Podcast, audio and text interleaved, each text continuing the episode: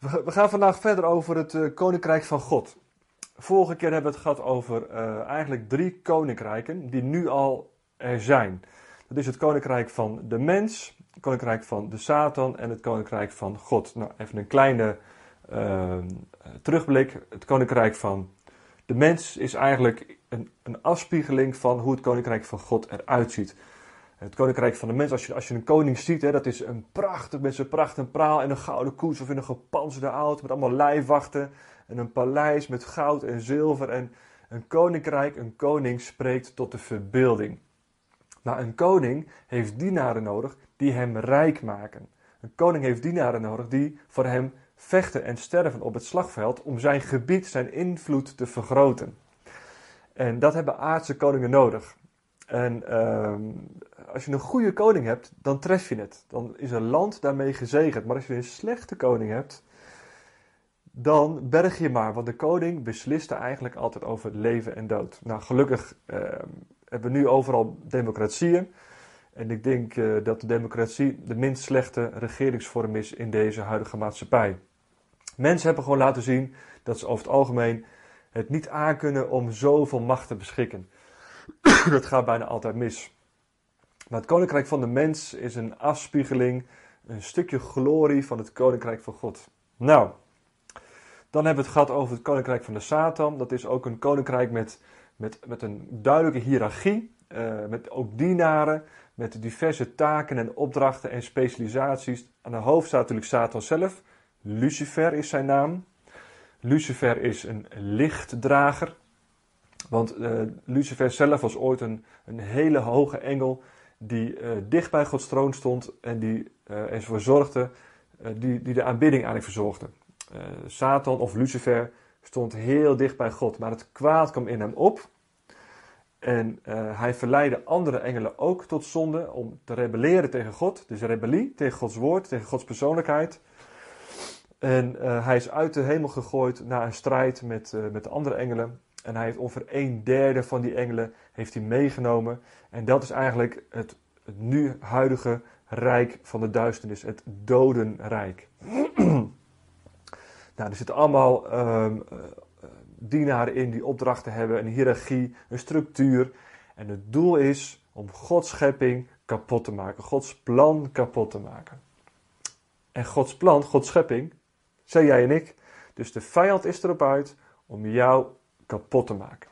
En dat doet hij heel actief met gedachten. Je hoort er niet bij, je bent niet mooi, je bent niet geschikt. Hij probeert dingen soms uh, te manoeuvreren. Hij heeft een agenda. De vijand heeft ook een agenda, daar gaan we het vandaag ook over hebben. En die agenda is heel duidelijk. Uh, zien we die ook uitgerold worden. Maar Gods agenda zit daar overheen. En uiteindelijk, de vijand die, die stuurt en die beweegt. Maar we gaan allemaal richting het einddoel dat God, dat Jezus terugkomt. Maar tot die tijd gebeurt er nog van alles. Daar gaan we vandaag ook een beetje over hebben. en als laatste, um, het koninkrijk van God. Het koninkrijk van God, dat is nu al. In de hemel is het koninkrijk van God er al. Door het werk van Jezus, dat onze zonden vergeven zijn, is er toegang tot God. De Heilige Geest is in jou en mij komen wonen. En uh, de Heilige Geest is nu in jou. En uh, wij zijn als gezanten van God eigenlijk op aarde. En waar jij komt, daar is het koninkrijk van God. Nou, dat, gaat, dat stukje gaan we het vandaag over hebben. Dat waar jij komt, het koninkrijk van God zichtbaar is. En hoe dat dan werkt. Oh ja, even vergeten te zeggen. We hebben dus vandaag uh, geen aanbidding. Uh, zoals je gemerkt hebt. Maar het komt omdat de muzikanten ziek waren. Uh, waren wat verkouden, snotterig. En in deze coronatijd um, is er dus um, niet verstandig om bij elkaar te komen. Daarom is er vandaag geen aanbidding. Dus mocht je het gemist hebben, dan komt het daardoor. Ik heb nog overwogen om een liedje te gaan zingen, maar uh, dat doen we maar niet. nou, even kijken. We gaan eens eventjes naar een, uh, naar een hele mooie tekst. Een hele bijzondere tekst.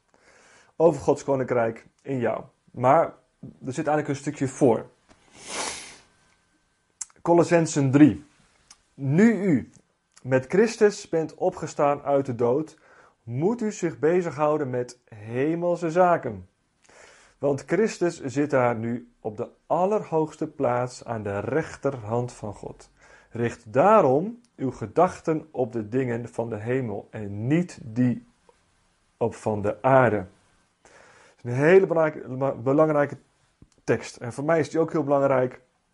Ik ben ook iemand die. Uh, ik heb twee grote interesses. Dat is eigenlijk uh, de maatschappij, de cultuur, politiek. Ik vind politiek en maatschappij super interessant. En hoe dingen gaan, hoe dingen werken. Amerikaanse politiek, ik hou ervan. En, uh, maar ik hou ook van het koninkrijk van God. En die twee dingen ben ik altijd mee bezig eigenlijk. Dat is iets waar ik altijd over lees of mee bezig ben. Uh, maar soms dan zie je zulke interessante dingen in het aardse dat daar je gedachten te veel naar uitgaan. De Bijbel waarschuwt daar ook over. Ik heb eventjes uh, het stukje dat u zich moet bezighouden met hemelse zaken in de Griekse context opgezocht. En uh, dat betekent eigenlijk, bezighouden is eigenlijk een vertaling van het trainen van jezelf in het ontwikkelen van een mening of een fundament. Het trainen van jezelf in een ontwikkelen van een uh, mening of een fundament. En jezelf intensief interesseren of gehoorzaam daartoe bereid zijn. Dus intensief interesseren in het ontwikkelen van een mening of een gedachte over het koninkrijk van God. Dat is eigenlijk wat hier staat. Je moet je intensief interesseren, je bezighouden, je een mening vormen, een fundament vormen met hemelse zaken. Waarom? Het gebeurt in de hemel. In de, de Heilige Geest, die is in jou, maar je kunt connecten, downloaden als het ware vanuit de hemel. Daar gebeurt het. En we zien van alles om ons heen gebeuren. Ik zie en ik, zie, en ik hoor veel mensen spreken over de, over de 5G, over de corona, dat dat de eindtijd zou zijn. En over, um, over de macht van de illuminatie en dat de, dat de elite ons aanstuurt, vaccinaties en daar hoor ik heel veel mensen over. En ik zie er van allerlei berichten over uh, voorbij komen. En ik zeg niet dat het verkeerd is om je daarmee bezig te houden. Het is goed om je ogen open te houden voor wat zich afspeelt in de maatschappij. Laat ik daar heel duidelijk over zijn. Je moet niet, niet blind zijn, niet, niet doof zijn voor wat er uh, zich afspeelt. Je moet je daarvoor niet afsluiten. Maar ik vind wel dat daar wel heel veel aandacht naar uitgaat. En uh, in Colossense 3 staat duidelijk: richt je gedachten op God. Want de mensen doen allemaal dingen. De vijand rolt een plan uit. Maar als je daarmee bezighoudt, dan brengt dat geen leven voort. Welk leven brengt het voort als je je bezighoudt met zou corona de eindtijd zijn? Nou, 100 jaar geleden hadden we de Spaanse griep. Toen gingen er ongeveer 80 tot 100 miljoen mensen dood. En de verhoudingen zijn compleet uh, losgeslagen, snap je? Ook al zou het wel iets van de eindtijd zijn, het is goed om naar te kijken, maar richt je op het koninkrijk. Daar zit leven in. Connect met God. Hou je intensief bezig om je mening en een fundament te vormen. Hou je ogen open wat er gebeurt. Sluit je niet af. Leef niet onder een steen. Dat doe ik ook niet. Maar richt je op het koninkrijk van God. Want daar zit leven. Daar zit de Heilige Geest. En vanuit die hemel, vanuit de Heilige Geest, ga je spreken over situaties, over je stad, over je gezin, over je buurt. Vanuit die bron komt er leven. En ja, er is een vijandelijk plan. En ja, er wordt denk ik ook wel gestuurd op de achtergrond naar een bepaald moment, op een bepaalde punt waar we naartoe gedreven worden. Dat is allemaal waar. Dat kan allemaal waar zijn, maar Gods agenda zit daarop. En vergeet niet, Hij is almachtig. En we worden allemaal door de agenda van God gestuurd naar het moment dat Jezus terugkomt, volgens de lijn die uitgezet is in de Bijbel. Dit staat al vast. En dingen die daaromheen gebeuren zijn interessant, maar richt je op wat boven gebeurt. Nou, dat even een introductie. Oh, ik zie ik de verkeerde tekst heb gepakt. Uh, deze moet het zijn. Oké, nou, deze tekst, dus u kan hem ook meelezen. Helemaal goed.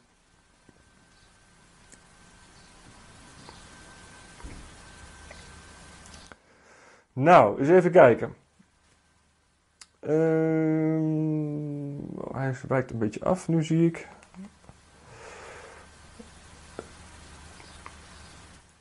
We pakken Johannes 3, die er net stond. Ja, Johannes 3. Um, nou, we hebben net gehad over dat je je mag gaan richten op wat boven is, op wat geestelijk is. Uh, God is geest. En um, je mag je richten op zijn koninkrijk, zodat jij een dienaar wordt, een kind wordt van God. Maar Jezus die zegt daar iets heel interessants. Jezus zegt, luister goed, wie niet opnieuw geboren wordt, kan het koninkrijk van God niet ontdekken. Dus je kunt gericht zijn op God, je kunt bezig zijn met hemelse dingen, je kan de Bijbel lezen, maar het kan zijn dat je er geen bal van snapt. Dat je denkt, hoe zit het nou? Uh, hoe, hoe, werkt het nou met de Heilige Geest? Ik, ik, ik hoor van mensen dat, dat, dat, ze God horen spreken. Ik hoor van mensen dat er geprofiteerd wordt. Dat ze, dat ze inzichten krijgen. Maar ik zit elke week in de kerk. En uh, ik hoor alleen het woord van God. En ik zie of ik hoor God nooit. Ik hou me bezig met hemelse zaken. Maar toch komt het niet binnen. Hoe kan dat? Jezus zegt, je moet wedergeboren worden. Je geestelijke ogen moeten opengaan. Nou, wedergeboren is misschien een hele vage term voor als je er niet mee bekend bent.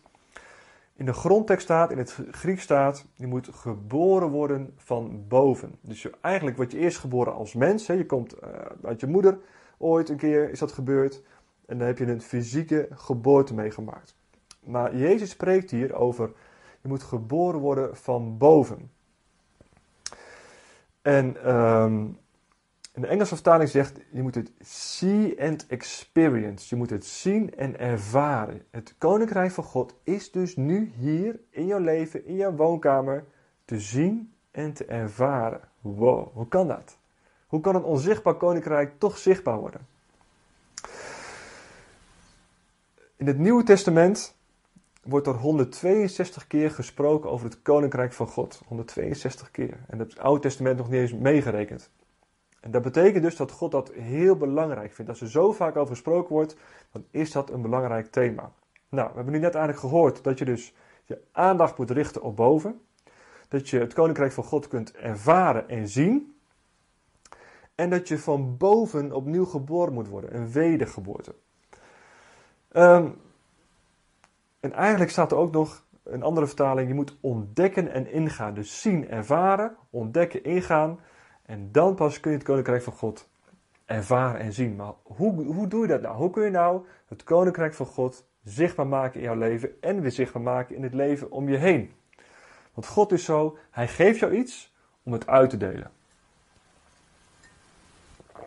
Nou, eigenlijk is het zo dat um, het moment dat, dat, een, dat een familielid van je overlijdt, uh, dan komt er misschien geld vrij. En dan vraagt de notaris aan jou: wil jij de erfenis aanvaarden? Nou, als dat een, een negatief erfenis is uh, waarbij je schuld krijgt, dan zullen de meeste mensen zeggen van nee, ik wil die erfenis niet aanvaarden. Maar als het een positieve erfenis is, dan aanvaard je dat natuurlijk, want dan kun je geld krijgen. Nou, in het koninkrijk van God is dat precies hetzelfde. Jezus is natuurlijk voor ons aan het kruis gegaan, hij heeft onze zonde gedragen, hij heeft de weg naar God heeft hij opengemaakt. Er is een open verbinding, een open kanaal, nu op dit moment mogelijk tussen jou en tussen God. En dat is de erfenis van wat Jezus heeft gedaan. En wij als, als mensen kunnen aanspraak maken op die erfenis. God zegt, wil jij die erfenis, wat Jezus voor jou gedaan heeft, die beloning dat de hemel open is, wil jij die aanvaarden? Dat is ook een hele persoonlijke vraag aan jou vandaag. Wil jij het werk van Jezus in jouw leven aanvaarden. Het is een positief bedrag. Het is iets positiefs. Je krijgt iets van God. Nu in dit leven krijg je de Heilige Geest met allemaal tekenen en wonderen. Je krijgt kracht, je krijgt inzichten. Maar uiteindelijk zul je ook het koninkrijk van God binnengaan. De Bijbel zegt dat wie in Jezus is, de dood niet zal zien. Als mijn lichaam er straks mee stopt een keer, dan gaat mijn ziel direct van hier zo de hemel in. Ik zal de dood niet zien. En ik bid en hoop dat dat ook voor jou zo is. Maar de keuze is aan jou. Er is een erfenis. Een erfenis ligt klaar voor wie in Christus zijn. Als je die erfenis aanvaardt, als je ja zegt tegen het, het, het, het, het wonder van Jezus werk, dan geeft God jou die erfenis. En dat is dat jouw, geest, jouw geestelijke ogen gaan open. Jouw ogen worden geopend voor de Bijbel, voor de Heilige Geest. Je kunt Gods stem horen, je kunt dromen zien, die profetieën je krijgen. Als je gaat bidden voor de mensen, kunnen er in één keer wonderen gaan gebeuren. Je wordt een ander mens. En de Heilige Geest komt in jou. Dat is zo bijzonder. Bij mij is dat ook gebeurd. In 2006 is dat, is dat gebeurd. Ehm, daarvoor, ik, ik, geloof dat God bestond. Ik, ik, las de Bijbel, maar ik snapte er helemaal niks van. Tot dat moment dat ik echt uh, tegen Jezus zei. Iemand vroeg aan mij: Wil jij je, je leven aan Jezus geven? Zei ik: Ja, dat, dat wil ik. Ik wil graag mijn leven aan Jezus geven. En toen uh, heb ik gezegd: Nou, Heer, ik wil graag uw erfenis, om maar zo te zeggen, ontvangen. Ik wil graag uh, het werk, het wonder van Jezus ontvangen. En op dat moment is er iets in mij veranderd. Het is net alsof je blind bent in de fysieke wereld. En er zit een vliesje over je ogen heen. En uh, staar heet dat volgens mij misschien ook wel. En dan halen ze de staar halen ze weg. En in één keer kun je weer helder zien. Je hebt altijd tijd heb je ogen gehad. Alleen er zat een bedekking overheen. Nou, en als je nou uh, een wedergeboorte meemaakt, dan gaan je ogen open voor het koninkrijk van God. Het is net alsof er een, een vliesje wordt weggehaald. Je begrijpt God in één keer. Je snapt dat die liefde is. Je snapt de Heilige Geest. Er is een open connectie. De Heilige Geest komt in je. Hoe bijzonder is dat? Nou, de Heilige Geest in jou, dat is een deel van Gods persoonlijkheid, een deel van Gods kracht, persoon in jou eigenlijk. En uh, die zorgt dat je het karakter van Jezus gaat krijgen. De Heilige Geest die gaat jou leiden, die gaat jou sturen, die gaat jou inzichten geven, die gaat jou onderwijzen. En die spreekt jou aan op dingen in je leven die niet oké zijn. Hij gaat ook tot je geweten spreken. Het Griekse woord voor geweten is sunaidesis. Sunaidesis. En dat betekent samen weten. Als jij iets gaat stelen of als jij iets doet wat niet goed is, dan spreekt jouw geweten. Je geweten klaagt jou aan. En dat komt de Heilige Geest is verbonden met jouw geweten en die zegt: Willem, dat was niet goed. Jantje, dat was niet goed. Je voelt, dit is niet goed. Dat is de, dat is de stem van de Heilige Geest. Elke persoon kan op die manier Gods stem verstaan. Maar als jij blijft volharden in die zonde, als je één keer gaat stelen, dan voelt dat niet zo goed. De tweede keer heb je er minder last van. En de derde keer heb je er geen last meer van. Dat komt omdat je gebrandmerkt wordt in je geweten. Dat is ook een uitspraak, een gezegde. En dat betekent eigenlijk um, dat je je geweten uitdooft. Dan word je gewetenloos. Maar God wil niet dat, je, dat jij gewetenloos bent. God wil juist dat jij heel zuiver met je geweten gaat leven. Dat je gaat luisteren naar de Heilige Geest. Nou, dat is wat de Heilige Geest in jou gaat doen als je gaat connecten met God als je vervult met Heilige Geest. Hij gaat je onderwijzen, gaat je leiden, gaat je inzichten geven, gaat je karakter bijschaven, dat soort dingen. Nou, en in sommige situaties ga je ook wonderen en tekenen meemaken. Dan komt er als het ware een soort salving, een aanwezigheid van God op jou voor dat moment. Dan ga je bidden voor die persoon. Die, die persoon geneest. Er is een moment van, van, van, van kracht, er is een moment van wonderen en tekenen. En dat moment, dat gaat weer weg. Dat is, een, dat is de Heilige Geest op je. De Heilige Geest in je is altijd bij je. Ga ik daar nog even, daar nog even over vertellen.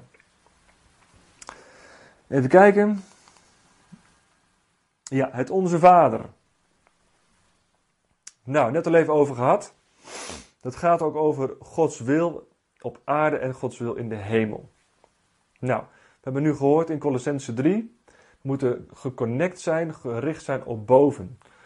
We moeten een fundament maken van onze meningen, van onze interesses. Eh, onze interesses moeten onder gehoorzaamheid gebracht worden met God en moeten ons richten op boven. Om wedergeboren te kunnen worden, om ons te richten op Hem en Zijn wil te kunnen doen op deze aarde. Nou, ik heb een deel van het Onze Vader ehm, op de beamer gezet. En in Onze Vader gaat het ook over het Koninkrijk van God. En volgens mij zelfs twee keer. En als Jezus iets zegt, dan moet je heel goed opletten. En als het 160 ehm, keer in de Bijbel voorkomt, in het Nieuw Testament, dan moet je heel goed opletten. Jezus begint al gelijk over het Koninkrijk. Onze Vader in de hemel, laat uw naam alle eer ontvangen. Laat uw koninkrijk komen. Laat uw wil op de aarde worden gedaan, net zoals in de hemel. nou, dat is een hele interessante. Laat uw wil op aarde worden gedaan, net als in de hemel. Ehm, we leven in een soort tussentijd. Jezus is geweest en straks komt hij weer terug. Dus Gods koninkrijk is al gegrondvest. Maar als je om je heen kijkt, dan zie je allemaal dingen gebeuren die niks met Gods koninkrijk of met Gods wil te maken hebben. Dat is het, dat is het koninkrijk van de duisternis, de werken van de mensen, oorlogen, moord, verkrachtingen, noem maar op. Er is, zijn voorbeelden in overvloed. En uh, gisteren las ik ook weer een uh, artikel in de krant over dat uh, jongelui op middelbare scholen, maar zelfs op basisscholen, zitten ze van die, van die appgroepjes waar tientallen jongelui zitten. En dan gaan ze met elkaar filmpjes delen over, over misbruik, kindermisbruik, onthoofdingen. Dat wordt gewoon gedeeld. Ten eerste, er zijn dus mensen die dat dus doen. Ten tweede gaan die mensen dat dus ook nog eens een keertje filmen en verspreiden. En het komt terecht in de appgroepen van onze jongelui. Nou, dat, dat zijn natuurlijk. En die jongelui, dat zijn tieners, die zijn jong en die zien daar in eerste instantie vaak helemaal geen gevaar in. Vinden dat gewoon cool. Oh, zo'n filmpje, kijk wat er nou gebeurt. Weet je wel, dat ja. Dat, dat, dat, als je erover nadenkt, het is gewoon compleet krankzinnig. Dat zijn echt de werken van de duisternis en de werken van de mens die daarin meegaat. maar het is absoluut niet Gods koninkrijk. Nou, er is een wil van God. Er is een soevereine, goede wil van God. In de hemel is die wil bekend. Er zijn boeken in de hemel. Als je in de Bijbel gaat lezen, op heel veel plekken wordt er gesproken over dat er boeken zijn. Dat er boekrollen zijn en dat er dingen opgeschreven worden. Er, is een, uh, boeken, uh, er zijn boeken met namenlijsten. Er zijn namenlijsten mensen die geschreven zijn in het boek des levens. Er zijn boeken waarin de dingen geschreven zijn die een mens heeft gedaan, ten goede of ten kwade, wordt allemaal bewaard. Maar voor wie in Christus zijn, is er geen oordeel. Dat eventjes vooropgesteld. Maar er zijn ook boeken over de loop van de geschiedenis, over de loop van wat er allemaal gebeurt. En dat zie je ook. Um, uh, ook in de Bijbel staan er meerdere voorbeelden van. Van um, hoe dingen zich gaan ontwikkelen, hoe de antichrist gaat komen, uh, de, de, strijd tegen Israël, um, dat er liefdeloosheid zal komen, dat mensen alleen maar aan zichzelf denken, dat, dat de burgeroorlog zullen komen. Ze allemaal staat het opgeschreven in het woord van God en opgeschreven in de hemel. In Gods hemel, in zijn boeken, is het koninkrijk van God, is de wil van God bekend. Nou, ik ga even een stukje voorlezen wat ik opgeschreven heb. In de hemel is Gods wil al bekend en volmaakt. Aan ons mensen de taak om Gods wil te ontdekken en uit te voeren. Dat is eigenlijk heb je een stukje Gods algemene wil en Gods specifieke wil. Gods algemene wil kun je gewoon lezen in de Bijbel. Eh, goed zijn voor anderen, naar elkaar omkijken. Heb je naaste lief als jezelf. Dat is een preek op zich. Je naaste lief hebben als jezelf. En God boven alles. Nou, dat zijn even een paar dingetjes die ik noem je naaste lief hebben als jezelf, God boven alles, goed zijn voor andere mensen, uh, trouw zijn, betrouwbaar zijn. Um, dat soort algemene dingen. Zorg voor de wezen, voor de weduwe, mensen die het slecht hebben. Dat soort dingetjes. Um, dat is dus Gods algemene wil. Kun je gewoon lezen in de Bijbel, niks moeilijks aan. Maar er is ook een uh, specifieke wil. God wil in bepaalde situaties wil die komen. God wil in bepaalde situaties verandering brengen. Dat is in de hemel opgeschreven en dat moet zichtbaar worden op aarde. Nou, dat, zijn, dat een hele interessante ding en er valt ontzettend veel over te vertellen. Bijvoorbeeld over genezing. Ik ga dadelijk iets vertellen over de genezing. En um, uh, dat is een prachtige genezing.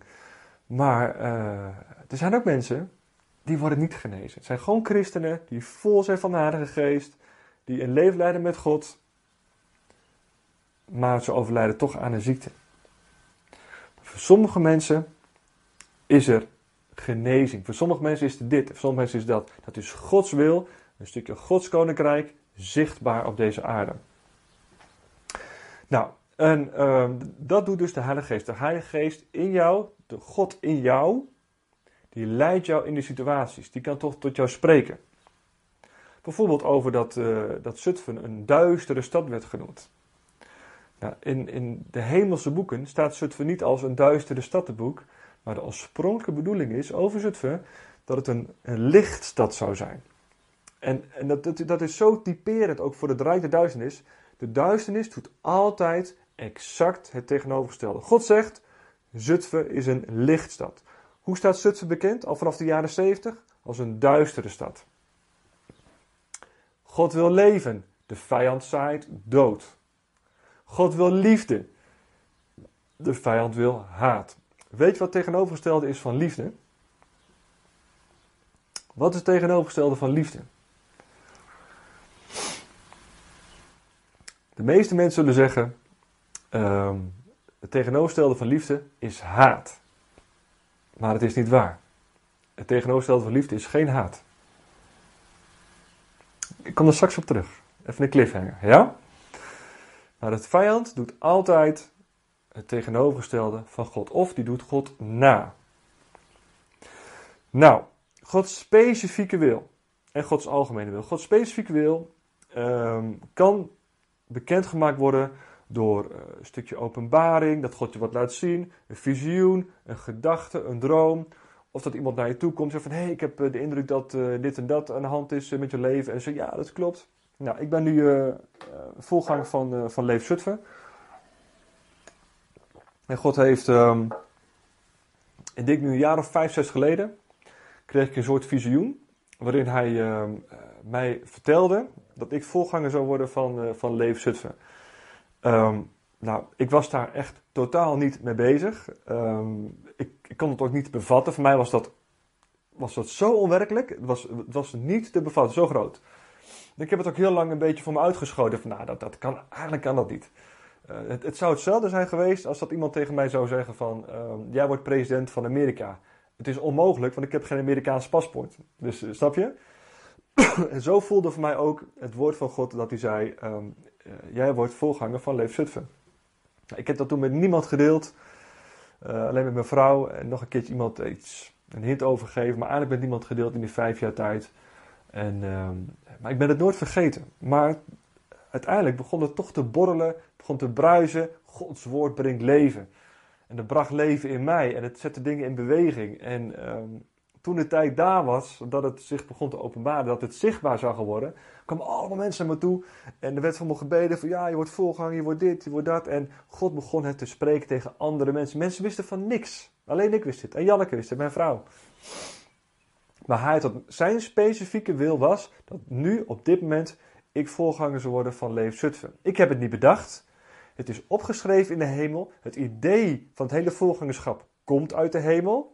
Hij heeft het mij geopenbaard en uiteindelijk heeft hij het aan meerdere mensen geopenbaard. Elke keer als ik ergens kwam waar, waar mensen samenkwamen, dan waren er mensen die hadden een woord, die zagen mij met een microfoon staan. Of uh, het, het, werd in één keer werd het zichtbaar gemaakt. Maar ik wist het al vijf jaar. En zo werkt Gods specifieke wil. Um, maar ook over genezing. Bij ons in de gemeente zit, uh, zit Gillian. En uh, hij is getrouwd met uh, Anna. En ze hebben twee lieve dochtertjes. En uh, Gillian, die had een aantal jaren geleden had hij last van zijn meniscus. volgens mij zat er een, scheur in, in zijn meniscus. En um, hij, moest, hij is naar de dokter geweest. De dokter heeft dat ook vastgesteld en gezien. En er zou een operatie moeten volgen om die meniscus te herstellen. Nou, ik weet niet meer zeker of het nou een scheur was, maar volgens mij was die, was, zat er een scheur inderdaad, of, of gebarsten. Maar in elk geval, het was onderzocht bij de dokter. Er stond een afspraak gepland om die meniscus te gaan opereren. Ik wist dat allemaal niet. Het was mij compleet onbekend. Maar uh, Gillian, die ging op een ochtend ging die wandelen. Gillian ging wandelen en hij ging uh, bidden voor genezing van zijn knie. Zoals hij dat al vaker had gedaan. gedaan. En Gillian die ging wandelen en hij zei van, nee, wilt u mijn, uh, wilt u mijn meniscus genezen, zodat ik niet naar de, naar de ziekenhuis hoef, geen operatie hoef. Want ik heb er last van, ik wil werken, maar nu zit ik in de ziektewet. En volgens mij was hij toen nog uh, zelfstandige. En, uh, en toen sprak God, en hij zei, God zei iets in de trant van, um, laat straks Willem voor je bidden. Um, dat was het. Dat, dat is wat, wat God ongeveer eh, tegen Gilian zei. Ik wist van niks. Ik zat gewoon s ochtends mijn brood te eten. Uh, waarschijnlijk gewoon even met Janneke kletsen, met mijn kinderen aan de gang. Ik pakte mijn fietsje of met de auto en ik ging naar de kerk. Ik wist van niks. Gilian komt naar mij toe in die ochtend, uh, die zondagochtend, en zegt: Willem, uh, ik heb het idee dat, uh, dat jij voor mij, voor mijn meniscus mag gaan bidden voor genezing. Wil je dat doen? Ik zeg: Ja, nou, oké, ik ga dat doen. Dus uh, wij zijn gaan zitten. We zaten toen nog in de bioscoop in Zutphen. En uh, we zijn met z'n tweeën gaan zitten. En ik heb zo mijn hand op zijn, uh, op zijn knie gelegd. En uh, ik moet je eerlijk vertellen, ik had er geen geloof voor. Ik dacht van nou, ik, de, ja, dit gaat niet gebeuren, dacht ik. Dat is echt wat ik dacht. Ik had er helemaal geen geloof voor. Dus ik heb mijn hand op zijn knie gelegd. En ik heb een heel simpel gebedje van nou, vader hemel, ehm, we zijn hier met Gilian. Wilt u Gilian genezen? Het grappige is, God had al bedacht dat die genezing zou gaan plaatsvinden. Hij had het bedacht dat het door mij heen zou gaan gebeuren. Uh, waarom? Zeg het maar. Om mij te zegenen, om mij bewust te maken van dingen, om nu jou te zegenen met inspiratie, om je te bemoedigen, om Gillian te bemoedigen, of allemaal, of nog andere reden, zeg het maar. Maar er is besloten vanuit de hemel op die zondagochtend, omdat Gillian erom vroeg, dat de genezing zou gaan komen. Nou, ik heb een heel simpel gebedje gebeden. Als God zegt dat er iets genezen gaat worden, hoeft het maar heel simpel te zijn. Hoef je helemaal geen omhaal van woorden te gebruiken, maar gewoon zeggen: genees in Jezus naam, want het is een woord van God. Een openbaar gemaakt woord van God. En dan gebeurt het ook. Dan gebeurt het 100%. Als Gilian niet een woord van God had gehad, dan had ik gewoon voor, voor Gilian gebeden van Heere God, we komen met Gilian bij u. Wilt u hem aanraken, wilt u hem genezen? En zo doen we dat met mensen waar we geen specifieke um, openbaring voor krijgen. Maar het was een, een specifiek woord voor God. Dus nou, uh, Gilian zegt, nou ik voel niks, ik heb niks ervaren. Um, nou, ik zei oké, prima, dan uh, we houden even contact deze week. Dus uh, ik heb hem die week nog een paar keer gebeld. En de pijn was weg. En het, het hele meniscusverhaal was gewoon compleet genezen. Hij heeft nooit naar de dokter gegaan. Hij kon, kon er niet op staan. Hij kon niet op zijn been staan, het deed pijn. Hij kon er ook een beetje moeilijk mee lopen. Dat was compleet weg. Is weggebleven tot de dag van vandaag. Hoe bijzonder is dat? Hoe bijzonder is dat? Dat je, dat is dus Gods specifieke wil voor een situatie. God spreekt en hij gebruikt daar altijd mensen voor. Hij gebruikt altijd mensen om ze in beweging te zetten. Dus God, de Heilige Geest in jou, die je leert om, uh, uh, die je onderwijst, die jouw karakter bijschaaft, die jou dingen laat zien, die je tot jou spreekt. Maar Gods genezing, Gods openbaringen komen van boven. Het is kracht voor genezing, genezing, kracht, bevrijding en de zalving is weer weg. Gods openbaar gemaakte wil. Nou, om het een beetje in de context te zetten, de volgende. Filippenzen 3. Wij wonen in Nederland. Wij zijn, wij zijn gewoon mensen. Maar wij zijn, eigenlijk zijn wij gezanten van een ander koninkrijk. Wij zijn burgers van een ander koninkrijk. Ik ben Nederlander, ik heb een Nederlands paspoort. En als ik uh, door de koning wordt gevraagd om naar Amerika te gaan met een opdracht, dan ben ik in Amerika met een opdracht, met een koninklijke opdracht. Kom ik misschien wel in het Witte Huis bij Trump terecht. En dan zeg ik tegen de president van Amerika: Ik heb een opdracht van de koning van Nederland om u iets te zeggen, om iets uh, te delen met u. Dan ben ik in Amerika met een Nederlands paspoort, met een Nederlandse opdracht. En zo zijn wij ook als mensen, in welk land je ook woont. Je bent gewoon mens, je bent ingezetene van het land, je hebt een paspoort van het land, of misschien ben je illegaal, of je bent een mens op deze aarde. Maar eigenlijk zijn wij ook burgers uh, van een ander rijk. We hebben een andere opdracht van een ander hemelrijk. Wij zijn echter, al wonen wij hier op aarde, burgers van een stad in de hemel. En vandaar verwachten wij ook onze Verlosser, de Heer Jezus Christus. Nou,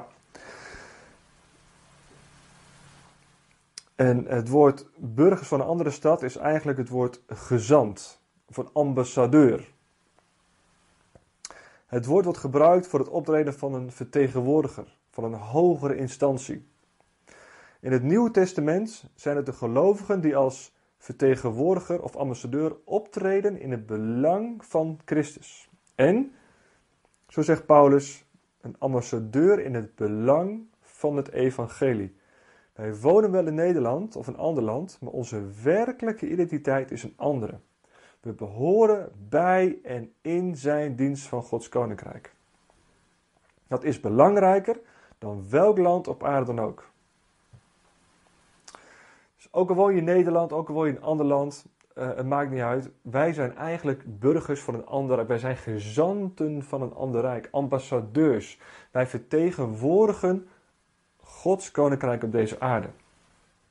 Als jij jouw gedachten constant richt op de Illuminati, op de 5G of andere dingen, op afleiding, op je telefoon of wat er als je constant mee bezig bent, dan kun je niet de volledige zalving ontvangen.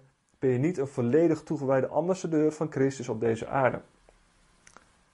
Het hoogste doel is op deze aarde, denk ik, het brengen van het koninkrijk van God en mensen het evangelie vertellen.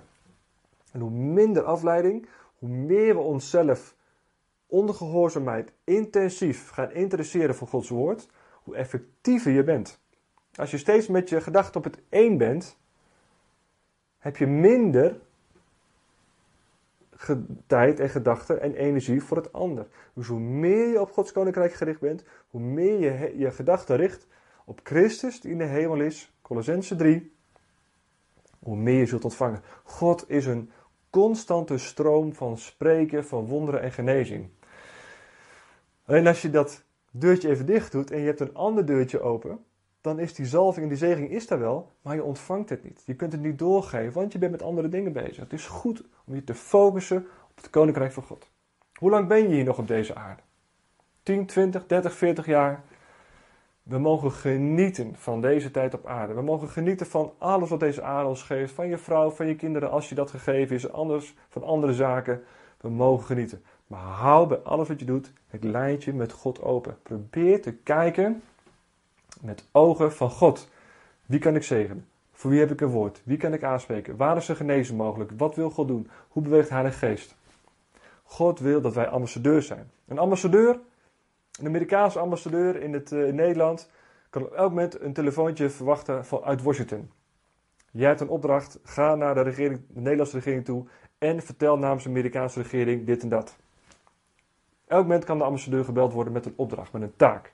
Hij is Nederland, maar hij is een ambassadeur van Amerika. Hij vertegenwoordigt Amerika in Nederland. En zo vertegenwoordigen jij en ik het koninkrijk van God waar je ook bent. de Heilige Geest die gaat je daarbij helpen. Wees een voorbeeld in je gedrag.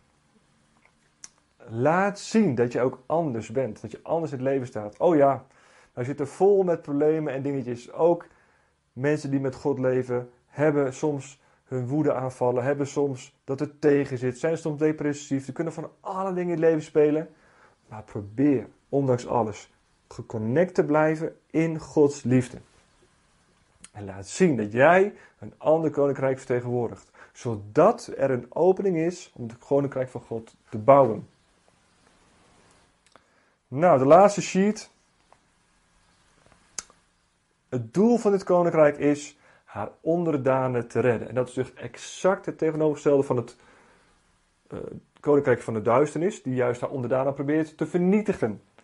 Of de aardse koninkrijken, die ook niet altijd het beste voor hebben met haar onderdanen. Maar God wil haar onderdanen redden. Hij wil haar onderdanen liefde geven, blijdschap en heerschappij.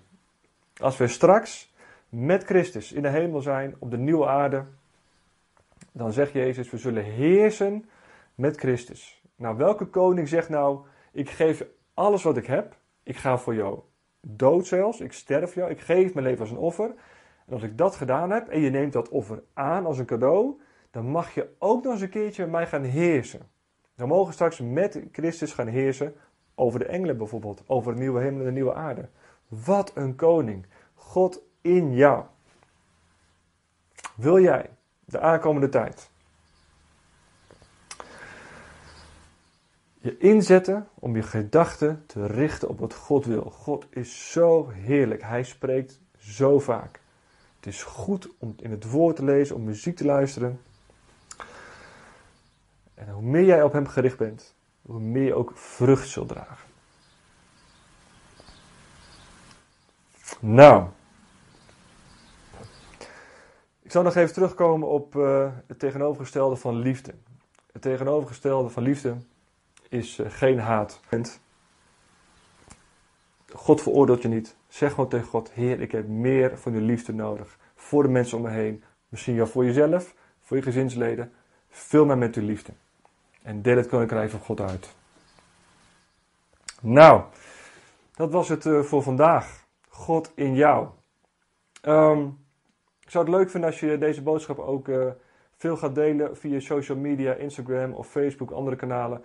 We willen graag echt veel mensen bereiken. We willen een netwerk opbouwen van mensen in en om Zutphen en in Nederland.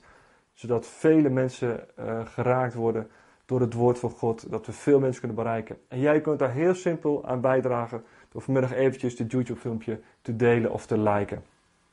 Uh, even twee seconden werk en het helpt. Delen en liken. We willen zichtbaar worden. Dat is onze mediastrategie ook. We willen zichtbaar worden in Zutphen. Goed. Het laatste onderdeel voor deze livestream. De collecte. Um, je kan even je telefoontje pakken. Even een uh, QR-code scannen. En een overschrijving uh, maken. Je kan ook een uh, overschrijving maken via de bank. Als het je even te snel gaat, dat kan ook op de website leefzutphen.nl staan gewoon de bankgegevens vermeld. En dan kun je uh, je gift op overmaken. Um, ik wil je echt vragen om ook te blijven geven. Misschien kan je wat extra geven. Um, we hebben best wel te maken met kosten. Er wordt goed gegeven, daar ben ik heel blij mee. Maar de vaste lasten gaan door. En we hebben ook nieuwe spullen straks nodig voor de livestream en andere dingen. Uh, ja, dus uh, wil je ons zegenen met het geld wat je verdiend hebt?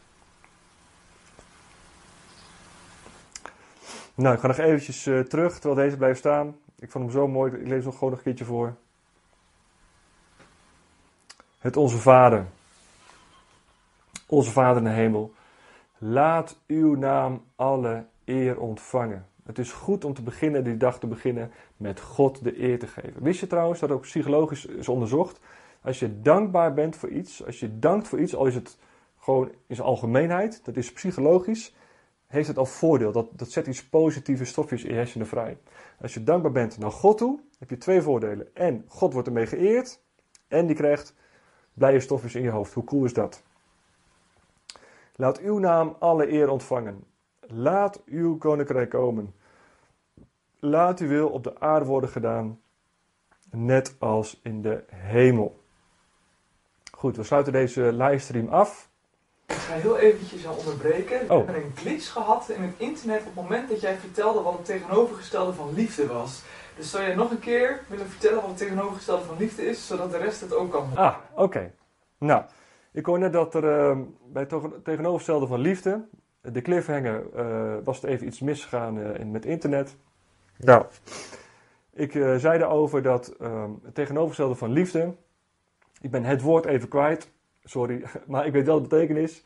Um, is eigenlijk dat je heel koel bent en koud bent. En dat je dus niet um, omziet naar andere mensen. Dat je hart eigenlijk koud geworden is. Dus dus geen haat. Uh, haat is niet het tegenovergestelde van liefde. Maar het tegenovergestelde van, van liefde is eigenlijk dat je koud bent, ongeïnteresseerd bent, liefdeloos bent. Misschien is dat een mooie omschrijving. Ja? En als je daarin tekort schiet, wie niet, Vraag aan God of Hij je wil vullen met zijn liefde. Nou, dat was het.